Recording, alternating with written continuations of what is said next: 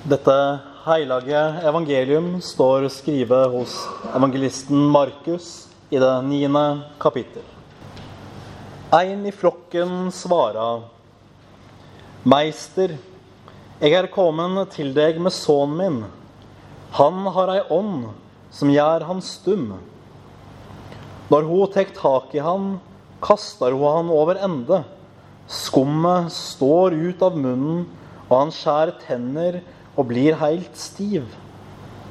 Eg bad læresveinene dine drive ånda ut, men de makta det ikke.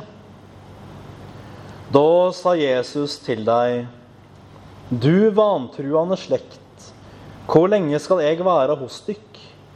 Hvor lenge skal jeg holde ut med dykk? Kom hit til meg med han. De førte gutten bort til han, og med det samme ånda fikk se Jesus, reiv og sleit ho i gutten, så han falt til jorda og velte seg med skum om munnen. Hvor lenge har han, har han hatt det slik? spurte Jesus.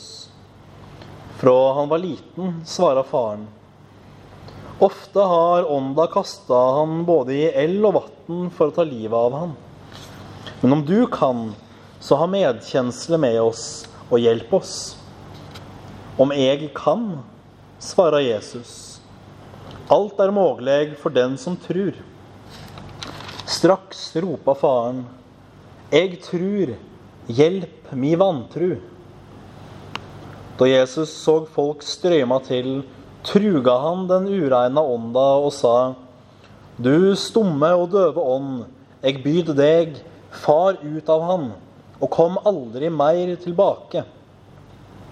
Da skreik hun høgt, reiv og sleit i han og for ut. Gutten lå livløs, og alle sa at han var død. Men Jesus tok han i handa og hjelpte han opp, og han reiste seg. Da Jesus var kommet i hus, og læresveinene var aleine med han, spurte de, hvorfor kunne ikke vi drive ut den ånda?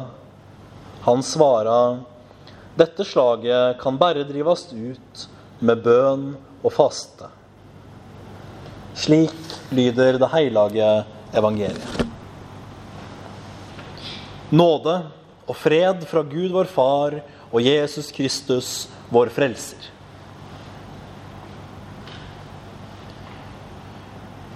Det er en voldsom scene som vi står overfor i dag. Det er jo nesten litt som dratt ut av en skrekkfilm. Denne gutten som har en ond ånd i seg, som ikke bare gjør han stum, men som river og sliter i ham. Får han til å utsette seg selv for fare, osv. Det virker på mange måter noe som hører til fantasiens sfære. Men sånn var det ikke for disse menneskene. Det var høyst reelt. Det var ekte. Vi hører også om lignende episoder fra vår egen tid. Gjerne i andre deler av verden, men også her hjemme i Norge.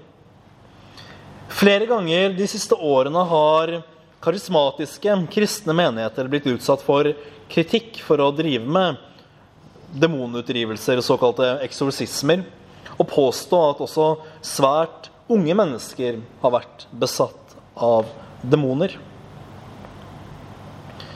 Men hvordan skal vi egentlig forholde oss til dette med demoner og besettelse og slike ting? Vi kommer ikke helt utenom det i dag.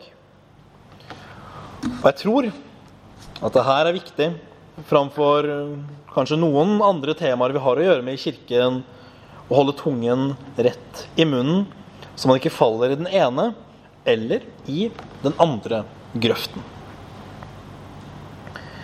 For det første er det, kanskje dessverre kan vi si, ikke så enkelt som bare det å avfeie troen på onde ånder som noe førmoderne tull som vi ikke tror lenger. Vi som lever etter opplysningstiden, vi vet da bedre. Er Dersom vi sier dette, så mislykkes vi i å ta Bibelens eget vitnesbyrd om saken på alvor. Ikke bare i teksten vi leste nå i dag, men ellers også er Bibelen tydelig på at det eksisterer onde åndsmakter. Og vi skal tro Bibelen som Guds ord. Dessuten kommer det også fram at Jesus forholder seg til dette som en realitet. Og det bør vi ikke avfeie lettvint. Men betyr dette da at vi skal gå rundt og være redde?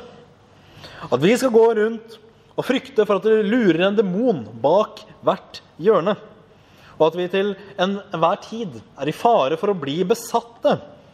Nei, naturligvis ikke. Jeg vil si det så tydelig som jeg kan, fordi jeg vet at det hersker tvil og usikkerhet. En kristen kan ikke bli besatt av en ond ånd. Det er ganske enkelt ikke mulig. Og det som får meg til å si dette, er hva vi har, og hva vi eier i kraft av vår dåp.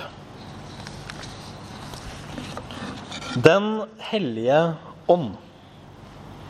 Det er vår kirkes tro at når vi døpes, om det skjer som et lite barn eller som voksne, så får vi del i Den hellige ånd. Vi får rett og slett Den hellige ånd. Vi forenes med Jesus på en måte som ikke kan ses. Og dette gir oss ikke bare Guds nåde og tilgivelse for våre synder, frelse og evig liv. Men jeg vil også si at dette gir oss en konkret åndelig beskyttelse. Ville vel Guds egen ånd tåle å dele hus med en ond ånd? Nei, aldri i verden. For i kraft av vår dåp tilhører vi Herren Jesus Kristus. Og han vil aldri la oss overgis på den måten til den vondes vold. Aldri. For han har all makt. Og selv om djevelen finnes, og verden på mange måter ligger i djevelens onde makt Det trenger jeg vel knapt å argumentere for, man kan bare lese nyhetene. Så er ikke djevelen den mektigste. Han er slagen og fallen, såret og ødelagt. Som et såret dyr trengt opp i et hjørne kan djevelen fremdeles være farlig. Men han går snart sin ende i møte. For det er jo det vi ser at Jesus gjør. Han viser sin makt over de onde ånder ved å kaste ut denne onde ånden av gutten. Jesu makt over de onde ånder er et viktig poeng. Grunnen til det er at Med dette så oppfylles kanskje et av de aller eldste løfter i Bibelen. Nemlig Guds løfte til Eva i hagen etter syndefallet.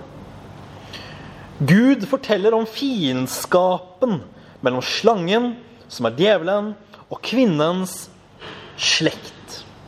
Og gir løfte om at kvinnens slekt skal knuse slangens hode. Dette er på mange måter det første vitnesbyrdet om evangeliet. For Jesus er kvinnens slekt. Og det er jo det han gjør. Han gjør, med, han gjør det med sitt liv. Han gjør det når han forkynner livets evangelium, når han helbreder syke og ja, kaster ut onde ånder. Og han gjør det med sin død, når han gir sitt liv for oss mennesker. Og til sist så gjør han det endelig med sin seierrike oppstandelse, der han for alvor knuser døden og djevelens makt. Det er jo dette som er vår tro. At Kristus ble menneske og døde og oppsto for oss. Men hvor svak er vel, ofte, er vel ikke ofte vår tro. Jesus blir ofte nesten irritert, kan det virke som, når han møter troløsheten hos mennesker. Han sier det til Peter når eh, Peter forsøker å gå på vannet, men begynner å synke. Du lite troende, hvorfor tvilte du? Det er som om Jesus ikke kan forstå hvordan mennesker ikke kan tro når de når, når de har han faktisk, fysisk, rett foran seg. Guds sønn i levende live. Altså, hvordan kan det være mulig å ikke tro? Jeg tror også vi kan kjenne oss igjen i Jesu irritasjon, vi som lever 2000 år etter det her. Altså, hvor heldige var ikke de som hadde han der? Hvordan er det mulig å tvile? Men man kan også ane Jesu irritasjon i stemmen hans i dag. Mannen som ber om at dersom det er mulig for han, så kan han fri sønnen fra hans åndelige plage. Om det er mulig! Skulle altså noe som helst være umulig for Jesus, slik det tydeligvis ikke bare var enkelt for disiplene å drive denne onde ånden ut. Men mannens bønn, den er like vakker som den er sår. Jeg tror Hjelp meg i min vantro. For vi er nå engang bare mennesker. Vi rives hit og dit av en mengde tanker og bekymringer. Tvilen den kan tidvis melde seg med intens styrke, som får alt til å se umulig ut, selv for ham som alt er mulig for. Men visst er det mulig for den som tror. Ikke sånn å forstå at troen er en tryllekraft som gjør at man kan gjøre hva man vil. Men troen er det som griper Jesus, og det han har gjort for oss. Det er en tro som overstiger grensene for hva som er mulig. Så ser vi også at Jesus ikke bare har irritasjon over vår vantro, det er jo en god ting, men han har også omsorg og medlidenhet. Jesus kunne vel bare trukket på skuldrene, gått sin vei i frustrasjon over denne tvilende mannen og begynt å lete etter noen som hadde den rette tro, og som var verdige. Slik kunne vel også Jesus gått sin vei fra oss når vi tviler.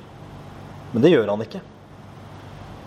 Når vi i vår svakhet stemmer i med mannens rop 'Jeg tror, hjelp meg i min vantro', så kan vi tro og håpe at Jesus vil hjelpe oss også der.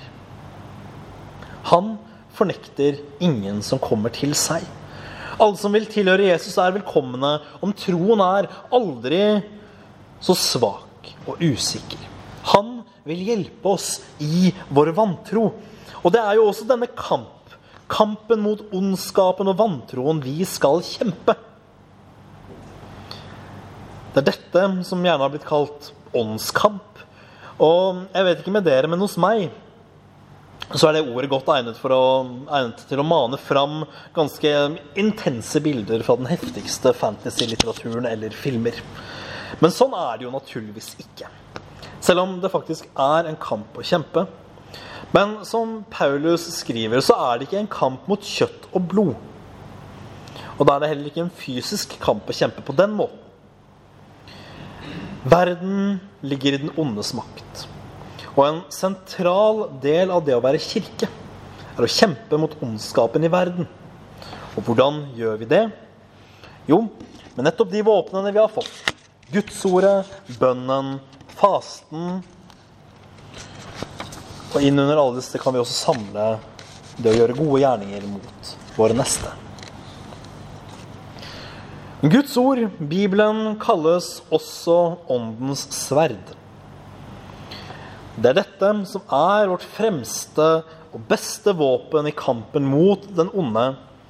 For djevelen og de onde åndene kan ikke tåle Guds ord.